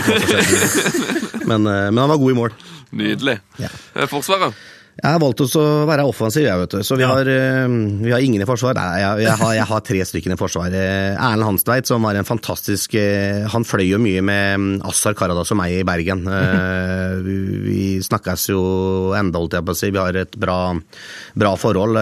Åssen han gled inn sammen med meg og Assar, det er vel ingen som skjønner enda. Han var jo liksom godteposen, som damene kalte den. Liksom. Det er, han, var, han var bare snill, han, vet du. Fantastisk mann. Og så måtte han drive oss og ja, bære på meg og Assar, stakkar, og bli beordra til å betale maten vår innimellom og handle for oss. Han, eh, men men ja, det, han er bare helt fantastisk mann. Så Erlend er eh, selvskreven. Eh, Jeg vurderer han som kaptein, faktisk. Det høres litt ut som jeg vet at Jisung Park og Evra og Teves var så veldig gode venner i United. Jeg føler liksom Hanstveit er litt sånn Jisung Park av dere tre. Ja, det kan du vel trygt si. og så har jeg midtstopper. Der har vi en Det er ikke derfor han kom med. Han ba meg i 50-årslaget nå eh, om eh, fem, fire, fire uker i, i Bergen. Han heter Oi. Per, Ove Ludvigsen. Oh. Igjen. Det er liksom Pad han, han var den jeg begynte å fly sammen med når jeg kom eh, til Brann. For en humor og kødd og show, og det var, vet du hva. Ja, jeg, jeg lo sånn. Det, en fantastisk mann eh, og en fantastisk bra fotballspiller. Han hadde ikke bare lange innkast, han også. Det var en mann som kunne, kunne gjøre mer enn det. Så det, han er selvskreven i Midtforsvaret. Han får være alene i Midtforsvaret, til og med. Kan, kan vel spille spiss òg, han. Ja, han kan, eh, La meg si det sånn, eh, med det laget her så kommer vi ikke til å ligge under i kampene, men hvis det skulle skjedd, så hadde de nok flyttet han fram på slutten. og så har jeg faktisk en lokal Den Det eneste lokale som kommer med på laget mitt, det heter Rolf Karsten Hakstrøm. Det er Roffen som eh, var back eh, bak meg når jeg eh, slo gjennom i Greåker som 15-åring. Eh, slo opp til meg, eh, kom på overlapp med hestehale hver eneste gang, og han fikk aldri ballen tilbake, for jeg crossa den motsatt. Det var da liksom jeg trente inn pasningene mine. vet du. Så hver gang han slo til meg og kom på overlapp, så slo jeg den vekk. Så han er sinna enda, selvfølgelig, når ikke han fikk noen Men vi har det veldig gøy sammen. Han har Bortekampene så var det alltid kjølebag, og liksom, det, var, det var sosial kar, vet du. Og ja, den dag i dag Jeg skal faktisk eh, på en eh, fest med han eh, neste onsdag, med han, Per Egil Aasen og meg, så ja, han er, Oi, oi, oi. Han er også en god, god venn. Så Roffen er med. Roffen må inn i, må inn i FFK sammen med Super-Rai på, på sikt, kjenner jeg. Ja, Da hadde det i hvert fall blitt mye humor og mye gøy, det kan jeg love deg. Så har jeg valgt en eh, To sentrale i banen. Jeg nevnte Charlie Miller, er jo selvfølgelig med. Ja. En ordentlig ballbehandler sentralt der, som var eh, som vi har vært innom, både god på og utafor banen her. Eh, Får også en, eh, en, et arbeidsjern siden av seg, som egentlig rydda opp eh, litt for meg i tidligere år. Svante, Svante Samuelsson. Ja, Svante! Ja. kan vi ta en kjapp historie om Ja. der? Ja, Før vi ja, går videre? ja, vi rekker det. Eh, Svante når han, han kom jo sammen med meg i 98, og jeg husker historien der. at Da spilte vel han i Ørgryte. og Brann-delegatene dro ned dit for å ta mm, De ville jo kjøpe anmøte, og det var jo møter der. og Ledelsen til Ørgryte sa det at får vi eh, liksom en 2,5 eh, million for han, så, så slipper vi den. Eh, men inn i møter der, og så kommer brannledelsen, som da selvfølgelig var fantastisk til å forhandle. De bare sier at vet du hva, vi byr 4,5 million. Og dem der, de visste jo ikke hvem benet skulle stå på, dem der Ørgryte. de- men de måtte jo spille spillet, dem òg. Så de liksom nei, vi må ha betenkningstid, så vi går på utsida. Så går de på utsida, kjører high five og holder på å lese i hjel, og går inn og er seriøse. Ok, vi har en deal. Så da kommer Svante Samuelsson til Brann sammen med meg i 98 og har vært, eh, vært en kjempespiller. Og som sagt, eh, du må gjøre mye drittjobb for folk som ikke gidder å bevege seg mye ut på banen der, og han gjorde det. og Ordentlig, ordentlig riveren på midten. Eh, brukbart venstreben nå.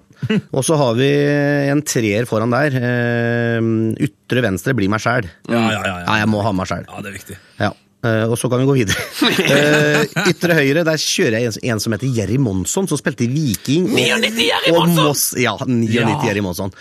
Eh, Knut Torbjørn Engen brukte å ta det når han prata om Jerry Monsson før, at eh, når Raymond spilte med Jerry Monsson, så måtte han eh, først rope til Jerry stikk, og så slo jeg Nei, jeg slo ballen først, og så måtte jeg rope til en stikk etterpå, for han, han, han visste ikke når han skulle starte, da, men han var verdens raskeste fotballspiller. Men en fantastisk gutt utenfor banen, vi hadde det mye gøy.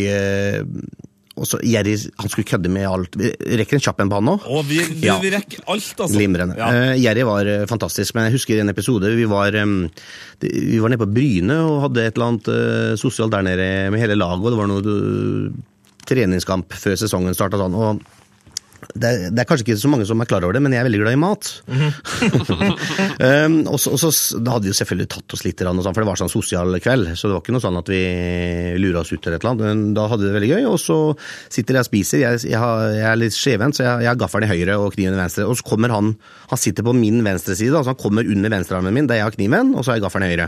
Så kommer han inn på tallerkenen min, og så sier han uh, Så skal han inn og så ta en sånn pommes frites-bit og sånn. Så sier jeg Jerry du kan kødde med hva du vil med meg, for vi kødda mye sammen. ikke sant? Vi hadde veldig, veldig artig. Og så sier han du kan kødde med hva du vil, men du kødder aldri med maten til Raymond. Aldri kødd med maten til far. Og så begynner jeg å spise igjen, og så ser jeg det der dumme høyrearmen som kommer under armen en gang til. vet du, Så jeg drar av den der biffbiten på gaffelen, og så setter jeg gaffelen eh, ordentlig i høyrearmen. Så, ven, så venter jeg til den er inne på tallerkenen, og så sier det bare pang. Og da står gaffelen i armen hans også. Det står i, i hånda hans. Så det var siste gangen jeg kødda med maten min. Men uh, uansett så får han plass på høyresida. Hvor, hvor mye tar uh, Jerry Monsson i benken, tror du? Å fy, la meg si sånn, jeg er glad for at den ble litt spak, for han kunne heve meg Alle var en gammel bryter, vet du. Fy, han var sterk. Fy, han var sterk, og for en kropp. Han må ha vært en av de største spillerne som har vært i Tippeligaen ja, noensinne. ja, ja, ja.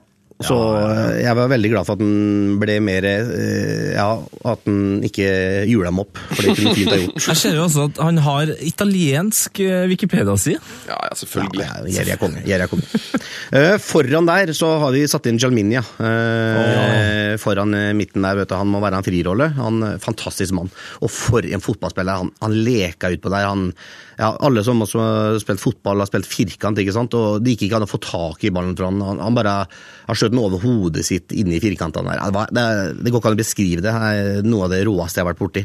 Eh, en kjapp story på han òg. Vi hadde i, i, Åstra- Wien, så hadde vi de klarte jo å gi oss sånn et eh, årskort gratis på McDonald's. Så vi hadde jo McDonald's rett utafor. Ja, ja, helt fantastisk, vet du. Helt fantastisk. Der. Og så øh, bestiller han mat. da. Jeg så det ikke sjøl, det er blitt fortalt etterpå. Han bestilte mat på McDonald's, og så skal han ikke ha agurk. Han er jo kjent for et sinnssykt temperament, vet du. Han mm. har 20 landskap i Brasil, men han ble vel hevet ut av øh, om det var Brasil eller Deportivo, for han, han skalla ned treneren sin et eller annet. For det, ja, han, han, han var klin gæren. Men da tok hun også tok den hamburgeren, for da hadde han fått med agurk. Han skulle ikke ha agurk. Og skitter den selvfølgelig etter dem som jobber der og er, helt klin gæren. Han, var ja, ærestjerne, er ikke det å si det. Kongefyr. Og så har jeg to spisser. Da har jeg selvfølgelig vår eh, gode venn eh, Asa Karadas. Han er jo selvskreven der. Og så har jeg Sigurd Rushfeldt. En fantastisk fotballspiller. Alle måla han har dunka igjennom. Jeg husker da jeg spilte med ham i Åstra Wien, de hadde konkurranse etterpå. Han tapte ikke én konkurranse. Han skjøt og skåra så mye mål, og for en Det er mange som eh, spurte meg åssen var han Sigurd, for det er mange som syns han ser sånn rolig ut. og Ja, ja. Jeg kan love dere det året jeg hadde i Østerrike, det er vel råeste året jeg kanskje nesten har hatt. I hvert fall litt sånn utenfor banen. Vi hadde jo så mye gøy. Det var, det var mye som skjedde der nede. og men han var flink til å lære meg til å spise salat. altså Jeg spiste mye salat nede i Østerrike. Og, ja, For det, det satte han pris på. ja, alltid sånn tunfisksalat. Med en liten sånn Weissbier siden av der. Det var helt gull. Fra elleve om morgenen. Så det var helt gull. For et lag. Ja da, Så det er eh, drømmelaget. Hvis jeg skal være så heldig å få lov til å sette opp eh, favorittreneren, så er det kun eh, én kongetrener jeg har hatt opp igjennom, og det er eh, ingen av dem vi har vært inne på. Eller hvis vi har vært inne på den, men han heter Knut Torbjørn Eggen. Oh, fantastisk lag. Nei, det er et uh, interessant lag. Du, det hadde slått bra fra seg, den gjengen her, tror jeg. Ja, og da skulle vi mot formodning gå på et sjeldent tap der, så hadde vi hatt det gøy allikevel. Det tror jeg. Du må, jeg vet du må videre. Hva, hva, hva, bringer, hva bringer helga for Raymond Kvisvik? Først skal jeg være så heldig at jeg får lov til å være med min kjære til Ikea, og så er det og så er det tøff eh, hjemmematch i dag med Mysen mot uh, Tronvik, så da går vi for tre poeng. Deilig. Vi ønsker deg alt det beste, og så håper at du, du Skal du spille i år òg, eller hvis du blir frisk fra, fra operasjon? Da er jeg klar. Å, fy fader, da, da må vi ta turen, eh, Sven. Du, jeg tror må vi ikke det. Ja, jeg Jeg tror vi må få, vi må få en, med en, en høstkamp. Ja, Da skal vi ordne to, eh, to billetter til dere i Klokkesvingen. Det er bare å. Åh, det er godt å høre. Konge. Raymond Kvisvik, helt uh, fantastisk at du var innom i Heia Fotball. Bare hyggelig. Heia fotball! Å ja. Og det var gøy. Det var ille bra. Det var kanskje det eneste som mangla eh, med vårt besøk eh, med Raymond Kvisvik her. At han ikke sa ille. ille godt. Ja, sa han Han sa kanskje ikke Nei, han sa ille uh, hyggelig eller noe sånt i det, altså før uh, opptaket begynte. Ja, det var før opptaket. Mm. Jeg likte at han hadde Jeg likte at han innrømte det der med at han hadde fått gult kort med vilje. Ja, det, å, for en historie. Og så likte jeg at hva? For det, sånn som jeg hadde hørt historien, så skulle han i et bryllup eller noe sånt. Så det syns jeg jo det er på en måte litt sånn gyldig grunn, da. Ja, Men det, det var så gøy at han bare. Han skulle bare på konsert med Postgirobygget! Ja, han skulle- skulle bare ha seg litt av, litt av langhelg i Fredrikstad Ja, det, var, det var mye som skjedde, både fredag og lørdag. Ja, så deilig. Det, altså, Fredrikstad er jo en eh, stor by, men den er jo ikke så stor, så jeg skjønner jo at når det først skjer noe, Mm. så skal han være med. Må du være med. Skal vi ta litt nyheter, Tete-gutten? Ja, det syns jeg vi skal gjøre. Mhm. eh, kanskje ta den viktigste saken først. Eh, Ja. Det har vært en enormt eh, viktig uke for eh, Liverpool-fans, eller egentlig for fotballen generelt, vil jeg si. Ja, Kanskje for menneskeheten. Ja, Rett og slett. Ehm, endelig, etter eh, 27 år, fikk altså det, de 96 eh, som døde, på en måte oppreisning. Mm. Vant rettssaken eh, mot politiet. Så politiet fikk Så vidt jeg har forstått, så blir det regna som et slags ehm, uaktsomt drap eh, som politiet ble dømt på. Det var det, dømt Ja. på en hel haug med punkter. Ja, Politiet har jo altså, drevet med noe voldsomt med løgner og funnet opp eh, ting eh, altså, det, det, Jeg husker de snakka om at de hadde sett masse folk gå rundt med pils utenfor stadion. Og at det, liksom, det var grunnen eh, at alle var så fulle. Eh, men nå viser det seg at når de har sett på de bildene, her, da, så ser ikke de noen folk med pils. Nei, for det har bare politiet funnet på. Ja, det har politiet funnet på. Ja. Nei, Det er en trist, trist sak, men nå har det heldigvis eh, fått eh, Om ikke en lykkelig slutt, så en slutt. fått en ganske lykkelig slutt. Eh, Så det var fint. Eh, noe annet fra fotballuka, da? Eh, altså, En av høydepunktene, eh, selv om kampen ikke var så veldig bra, var jo at vi to så Champions League-fotball med vår skal vi kalle det lærling, da, Tuva Feldmann. Yes, det var koselig. Ja, Det syns jeg var veldig fint. Det var jo litt trist at uh, hun, eh, etter å ha funnet ut at hun skulle heie på Real Madrid, eh, skjønte at den kampen her skulle ikke bli noe mål i. Og det er litt sånn Når man har en fotballærling, så er det veldig viktig å plukke de her kampene som, er, Ja. som, det, som det bruser litt av. Det, men det som var, det synes jeg var sånn, selv om kampen var litt kjedelig, så var det så koselig å se kampen. For vi satt der jo med vår gode venn Bongard. Mm, og Ambroses. Og Bongard dro en sånn sinnssykt bra quiz. Ja! To spillere To! som, som har skåra mål på straffe i Premier League med begge bein. Ja. Altså, ikke, De har ikke sklitakla tofotstakla ballen på straffe i mål, men de har skåret to forskjellige straffer. Ett med høyre og ett med venstre. Kun to, spillere! To spillere. Eh, hvis du ikke vil ha et hint, så må du lukke ørene akkurat nå. Han ene har spilt i Inter Milan. Det har han. Han andre har spilt um, i uh, Westham. Ja. Og så Nå kan du pause podkasten, så kan du tenke på dette, for nå kommer jeg til å si svar om fem sekunder. Og du kommer til å si det nå, ja? Ja, ja, ja. Ja, okay. Så du må pause nå. Ellers så får du vite svaret om Ja. tre, to, én. Det er altså Bobby Samora. Ja, selvfølgelig. Eh, altså den, eh, den dyreste spilleren i Premier League-historien, som jeg liker å kalle. Ja, eller den mest innbringende. Ja. Han har avgjort noe sånn eh, en 10-15 sånne playoff-finaler. Så de, og de kampene er jo verdt halvannen milliard, så han har jo spilt inn altså tjukt av penger. Ja, og så har han da skåra eh, straffespark med begge bein. Det har han. Det er en annen mann som har gjort det. Eh, en, eh, En litt mer hurraspiller, som vår venn eh, Bongard eh, kalte den. ja. Og så kan jeg for Lars! Lars! Er du her? Jeg sitter her og så- jeg lurer meg. Jeg bare si en liten ting om Bobby Samora. Ja. Jeg skrev en sang om han som vi spilte for et par episoder siden. Norges Grand Prix-låt med Agnete. Ja! Det Du har til ære for eh, venstrefotfri straffesparket. Det. Det er helt sant. Ja, eh, Men eh, du som nettopp har kommet inn, da, Lars. Hei. uh, hei, hei. Uh, vet du hvem den andre spilleren er? Uh, ja, tror jeg vet det jo. Ja, Si det, da. Eh, han er Newcastle-spiller. Det- Han har vært det, ja. Han har vært det. Han ble uh, Farsken, hva det hete da? Slår han flikkflakk? Å ja! Om Ja. han her slår flikkflakk! Ja jeg tror han faktisk slår flikkflakk samtidig som han tar åtte Tequila. På vei inn i baren etter å ha skåra med eh, venstrefoten på frispark. Men straffe. han er ikke den eh, Newcastle-spilleren som tar flest flikkflakker. Nei, det er han kanskje ikke. For det var Lua Lua. Det var lua, lua, ja. Jeg tror han er Guinness rekordbok jeg, for mest flikkflaks i feiring eller sånt. ja. Heldigvis um, flere flikkflaks enn han det, er Thailand-spilleren. er det Oma Febi? Ja, nesten. Ja, du, Ofa, Ofa Mebi? Oma Feby. Oba- Feby. Oba Femi. Obafemi Martins. Obafemi Martins! Yes. Så der har du altså svaret på quizen. Mm. Martins og Samora. Send oss gjerne sånne morsomme quizzes på Facebook og sånn. Say it again. Quizzes. Send oss gjerne morsomme quizzes på Facebook og sånn.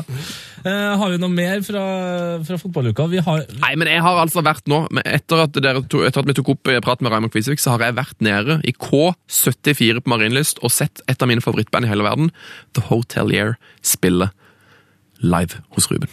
Eller eh, spille inn eh, låtene live, da. Det blir jo sendt i opptak om noen timer. Ja, nei, Det blir ble sendt eh, neste uke. Neste uke! Så det må bare være en generell an- anbefaling til alle i Oslo. Hvis dere hører dette på fredag, gå på The Hotelier i kveld, på Pokalen. Det blir helt fantastisk. Men rocker de skikkelig? Yes! Ja, for det- altså rocker de så mye at jeg kan spille i mitt eh, program eh, Tete? Det kan du absolutt gjøre. Da Eh, vurderer jeg å spille en live hotelierlåt nå på tirsdag. Syns jeg du skal gjøre. De har, nei, altså Det er jo eh, skrikevokal og bånn gass med fire ekstremt energiske herremenn. Åh, så, så fint. Um, For det høres veldig indie-band ut. ja, det er det. Og, Det ja, det er, det er Emo-rock.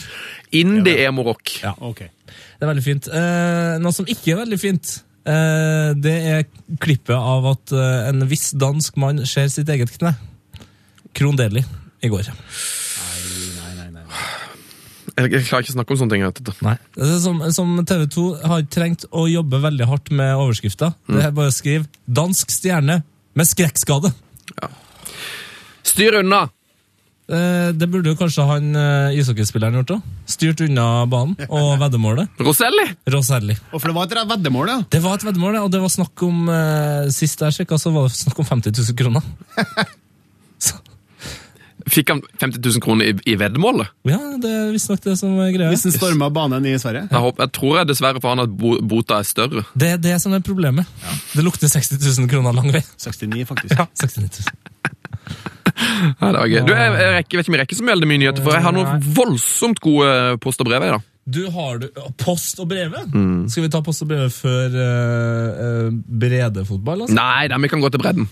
Uh, er du sikker på at vi skal gå på bredden? Finn jingelen det første. det første, så Du, jeg, jeg tar, vi går til den uh, jingelen jeg har. ok! Ja, det ble bredde! Steinkjer, Steinkjer, Steinkjer. Det er ingen som har sånn fotballag som vi. Gå nå på, så skal vi sjå. Ingen kan slå. Jeg sier FK! Nettsjef velkommen inn til oss. Hei, tusen takk. Hvor har du vært i dag? Eh, jeg har vært eh, Her? Jeg har vært, Hos oss? eh, jeg har vært her, ja. Ja, så Det har hyggelig. vært der, du. Det har vært Hva skjer i bredden, Nettsjef Lars? Neida, vi har masse breddestoff, og det er liksom eh, Vi må jo bare si takk. Tusen. For tusen. Takk.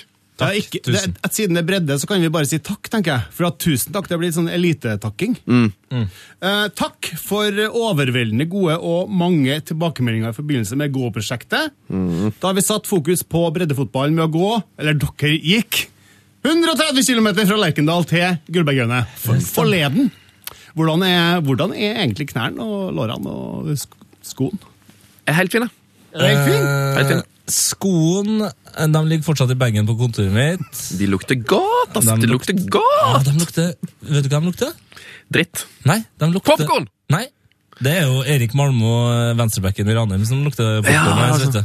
Nei da, de lukter pølsebrød. Pølsebrød. Pølsebrød. Altså vaffel, som de sier i Moss. Mm. Ja. Jeg føler at det er egentlig Det er veldig bra Det er et veldig bra um, 20-spørsmålord. Mm. Pølsebrød. Pølsebrød. Hæ? Ja. Det er Det er kon konkret, og så er det sammensatt av to. Ja, og så er det litt sånn morsomt når folk sier pølse, og ikke minst brød, pølse i brød. Og, Pølse, pølsebrød. Så det, er ikke, det er ikke så mange som sier det. nei, kukkigano og så videre. Ja, nettopp. Eh, ja, nei, så, men jeg har et elendig kne. Du har det, ja? Ikke like dårlig som Krondelli sitt, men eh, jeg har ikke rukket å ringe bedriftslegen ennå, men han skal ringes. Her skal det på noe fysioterapitimer. Det er veldig, jeg synes er nesten litt sånn, skjønner at det er på en måte nesten litt sånn tilfredsstillende at du har fått vondt, mer vondt i beina enn meg, Tete. Ja, men det her er jo ikke, det her er jo ikke en sånn eh, Det er jo ikke sånn, eh, sånn taslete uh, vondt. Altså, det har skjedd noe galt med kneet mitt. Ja. Ja. Nei, for det er bare, jeg husker det var noen som kanskje var litt mer litt mer skråsikre på at de kom til å fullføre eh, den, den, den turen enn en andre i Ja. redaksjonen. Det, men det var jo ingen tvil om hvem som løp renest på banen når vi skulle ta eh, avspark på Gullbergøyene. Det var ikke jeg som eh, satt der og fikk en fysioterapikompis til å gi meg en diagnose. Neida, neida. Det var du. Nei, men jeg, bare, jeg vil bare ha det loggført. Altså. Nei. Men uh, kjempebra, kjempebra gutta. Og uh, hvis vi ser på hvor mange sykt mange tilbakemeldinger jeg har fått fra folk som digga det For de, folk hata ikke akkurat det prosjektet der, merka vi. Nei. Eh, De støtta oss, eh, de gikk til kamp, de, og viktigst av alt, de går ut og kikker sitt lokale fotballag spille fotball. Og det var målet. Ja, og de går på kamp fortsatt, og det synes jeg er veldig fint at vi fortsetter å, å få snaps av folk som går på cupkamper og diverse andre kamper. Det er nydelig. Jeg vet det er en god del her fotballyttere som elsker at Nardo gikk videre i cupen, blant annet. Du, Nå kommer jo oppsett akkurat nå. De skal møte Rosenborg. Det blir Nardo Rosenborg, ja. Ja, det blir det. På Lerkendal eller Nis på Nissekollen, selvsagt. Nissekollen. Nissekollen. Og det blir tidenes korteste bortekamp for Rosenborg, eller? Ja. De kan faktisk gå opp. Herregud! ja, Rosenborg må gå! Rosenborg må gå til kamp!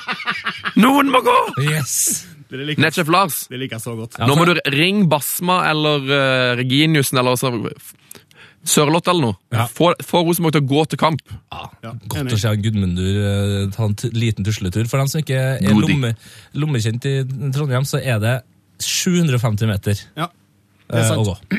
En annen ting vi skal ta tak i med prosjektet her før vi legger det litt på is, eller eh, bare ja, litt på, på snø. Skal vi gå på skøyter snart? Ski? Ja, det skal vi. Okay. Eh, eh, nei, vi fikk en e-post fra en Alexander Holmsve i eh, alfakrøll.steinkjerfk.no. Han er altså da eh, hovedtrener damer senior og hovedtrener jente 14, og involvert i SFK, da, Steinkjer fotballklubb, på sosiale medier. og. Klassisk ildsjel, det her, altså. Ja, Ildsjelaktig. Hei, Holmsve. Hei, Holmsve. Og så sier han kan dere sende meg sangen til SJFK som dere bruker i introen deres. Til spalten her da. Sendte dere snap og fikk beskjed om å sende mail. Eh, og jeg svarte den og sendte den fila. Og vet du hva som skjer nå framover? Han skal prøve å få spilt Nei, men dra til helsike, da, sangen På Gullbergerne! foran hver kamp. ja, så blir det faste nye åpningslåter. Ja, ja, ja, ja, ja. Du, Kan jeg ta en eh, kort breddenyhet òg? Yes. Ja. Som òg går på musikk. Ja. Fått en eh, Facebook-brev fra Pål Skjervold. Veldig hyggelig med folk som tar kontakt med oss på Facebook. altså. Det, det begynner, Facebooken vår begynner å koke litt nå. Eh, han eh, sender en melding om laget fra bygda. ja, altså den her eh, berykta begynnersesongen som Ja. vi elsker. En av våre favorittlåt i hele verden. Og I forrige podkast ba vi om at den begynnersesongen må på Spotify nå. Ja, fordi at vi har fått Stavn av Pau på Spotify, det har vi ordna. Og hva som har skjedd nå? Nei, nå får jeg en melding fra Pål Skjervold. Han sier ta kontakt med låtskriver Arve Sjøstad. Og så får jeg en ny melding fra Pål. Arve Sjøstad har snakket med Stargate, og laget fra bygda blir tilgjengelig på Spotify ganske så snart. Mikkel og han som jeg ikke husker navnet på i, i, i Stargate. Tusen hjertelig takk. Tor Erik, er det han heter? Ja, det er kanskje Tor Erik. Eller han heter iallfall jeg har sunget med Mikkel, vet du. Har du? Ja, det har jeg. Veldig veldig bra eh, jobba. Så nå er altså Byneset-sangen på vei inn i vår spilleliste. eh, Heia fotball, som du finner i Spotify. Hvis du abonnerer på den, så vil du da altså få tilgjengelighet på denne Byneset-sangen så fort den er i Spotify. Ja. Er det noe, jeg syns egentlig bare vi må få inn flere låter der. Ja, vi skal få inn flere. Det er bare Tips oss. eh, Heia fotball, krøllalfa.nrk.no er mailadressen. Jeg ønsker meg veldig den Håvard Lilleheie-sangen. Nå... Samme for meg så lenge Ja. Godset vinner. Ja, ja, den er fin. Kent Ove Bang. Oh, oh. Kent Ove Bang, dere.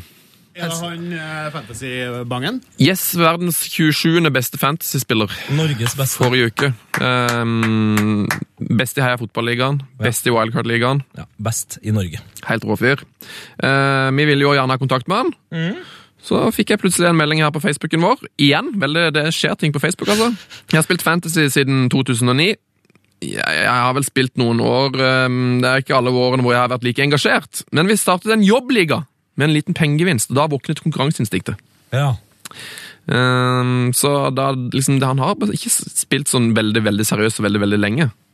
Men det var de her pengene. Mm. Han er en eh, kremmer. Så skriver han at eh, tidligere prestasjoner har ikke vært mye å skryte av. Jeg har to ganger vært på topp 10 000. Ellers helt på det jevne. Det er jo veldig bra. Det er jo helt sjukt bra. Så um, han, eh, Nei, han, det går veldig bra, altså. Fy fader. Fy fader. Kent Ove Bang, dere. Men har han noen tips, eller vil han holde alle eh, hemmelighetene for seg sjøl? Han har tips. Eh, ikke se så mye fotball. I år, hvor jeg har gjort det så bra, har jeg aldri før sett mindre fotball. Oi! Så Ja, altså, Kanskje en fordel å heie på et lag som gjør det dårlig. Eh, heier på Chelsea. Nei, men Det han sier, uh, han har ikke sett, det er ikke et bevisst valg å slutte å se fotball, men som nybakt pappa er det ikke lenger så mye tid. Nei.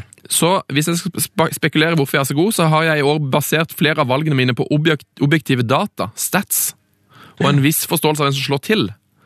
Ikke sant?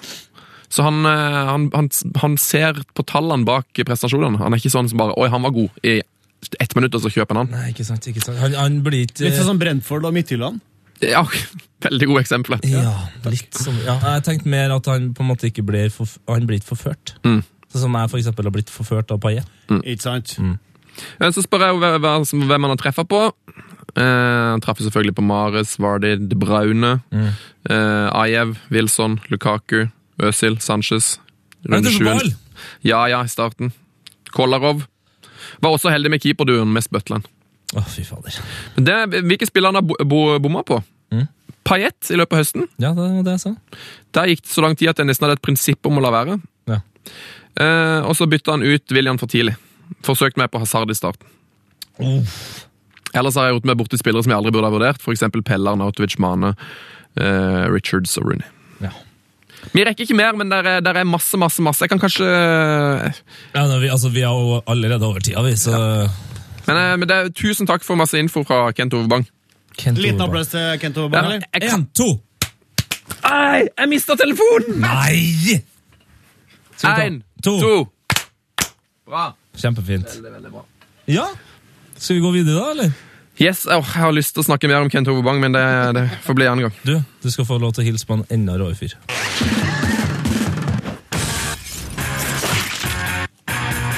Heia fotballs glory hall. Oh, yes! Oh, yes. Ja, så Nå er det jo jeg som sitter bak den her eh, famøse miksepulten, eh, og da føler jeg at det er riktig at det er jeg som spør deg, Sven. Ja. Kan du forklare lytterne hva eh, er? Det er en uh, hyllestklubb høyt, høyt, høyt oppe i universet. Langt, langt ytterst, ytterst i vårt solsystem. Der er det en bane så grønn og deilig at det er bare de aller, aller feteste, råeste, stiligste, deiligste fotballspillerne i verdenshistorien som får lov til å spille der. Som for eksempel Hege Riise. Eller Tete Lidbom. oh, Andre, eller? Kafu. Kafu. Er Hege Riise der? Nå ble jeg jæskla i tvil. Jeg vet at Ann-Kristin Aranes er i hvert fall Hun var hun. Jeg tror kanskje ikke Hege Riise er der. Jo, er Riise er der. Hun er der, ja? Jeg er ganske sikker på ja. det. Ja, ja. Uh, er Battistuta der? Han er der Uh, Lars er han der? Jeg tror faktisk eh, Batistuta er der, ja. Ja, han er der. Å, herregud, nå ble jeg, nå fikk jeg liksom Jeg ble faktisk nerv, nervøs. Jeg fikk nerver i magen. Du, Tete-gutten. Mm. Eh, det er jo du som er på en måte produsenten der, som sitter bak eh, miksepulten. Ja. Og jeg kan informere deg at om ca. 40 sekunder så kan det være at min lyd blir vekk, for da blir jeg kasta ut av studio her. Men eh, det blir jo i så fall en, en litt spesiell slutt på dagens podkast uten meg. Ja. Synd for det. Eh, nå skal det settes inn en motherfucker. Det er noe galt her. I et intervju med Channel News Asia 31. januar i år kom essensen av dagens gloryholder fram fram idet han sier Jeg bruker ikke smarttelefon. Smarttelefoner gjør folk dum. Den gjør deg faktisk ubrukelig fordi den er altfor nyttig. For han så drar opp en god gammel Nokia 3720 med et lurt smil om munnen. Dagens Glory-holder var også en smart særing på fotballbanen. En elegant, egenrådig, men også hardtarbeidende spiller, som utstrålte en arrogant tilnærming til levebrødet sitt. Lidenskapen vår fotballen. Fotball, ja. Det var bare fotball. Gøy for en stund. To Asian Player of the Year Awards. Ett italiensk seriemesterskap, ett italiensk cupmesterskap, tre VM, to OL-deltakelser for eh, Japan, fire Ballon d'Or-nominasjoner, ridder av The Order of the Star of Italian Solidarity og den eneste japaneren på Pelés Fifa topp 100-liste. Det var nok moro, det. For den kjekkeste mannen fra Nippon noensinne. Han la opp i en alder av 29 år. Nå skulle mote, smykke og ikke minst alkoholbransjen få gleden av Hidetoshis magiske touch, uovertreffende smak og utenomjordiske aura. Jeg lever på grunn av lidenskapen, har han sagt. Lidenskap er livet. Før var det Perugia, Roma, Parma, Bologna, Fiorentina, Bolten og landslaget til Japan som var lidenskapen til Nakata. Mens nå er det hans eget eksklusive sakemerke N. Et sakemerke som er like ambisiøst som stikkpasningene hans var. For nå skal han få hele verden til å elske saker på samme måten som han fikk hele Japan til å elske fotball. Og jeg Jeg vet at han kommer til å lykkes. Akkurat som han skjerma ballen, dunka han i krysset og feira med ett enkelt gladiatorverdig brøl. Lidenskapen vår, lekegrinda hans. Hidetoshi Nakata. Alt han trengte, var en ball, et par svarte fotballsko og elleve motstandere. Så fiksa han magien. Boom! La han opp når han var 29! 29 år! Og eh, altså, jeg har eh, brukt eh, uka på å se utrolig mange videoer av han. Han spilte altså, eh, Det er sikkert noen som husker at han hadde litt sånn litt lyst hår av og til og litt, så litt crazy ut. Han spilte alltid i svarte fotballsko.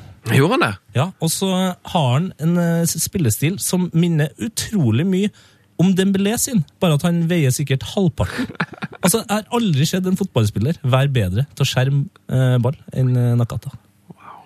Nei, det var nydelig, Tete. Da tok du meg litt off guard, som det heter. Off guard, ja. Det er veldig bra. Off Remi guard. Skal vi eh, gi hverandre en eh, klem, da, alle sammen? ja. Skal vi.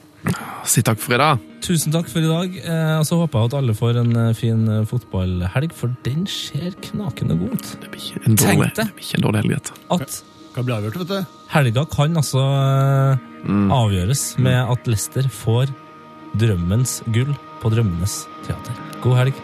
God helg, boys. Og Heia fotball. Hei, hoppa! Heia fotball! Frank de Boer speelt de bal. Heel goed naar Dennis Bergkamp. Dennis Bergkamp. Dennis Bergkamp neemt de bal aan. Dennis Bergkamp. Dennis Bergkamp. Dennis Bergkamp. Dennis Bergkamp. Dennis Bergkamp. Oh! Frank de Boer speelt de bal naar Dennis Bergkamp. Die neemt de bal feilloos aan. En ik schiet de bal erin. We spelen nog officieel 20 seconden. Dennis Bergkamp. P3s Heia fotball. Ny episode hver fredag. Last ned din nye favorittpodkast på p3.no podkast. P3.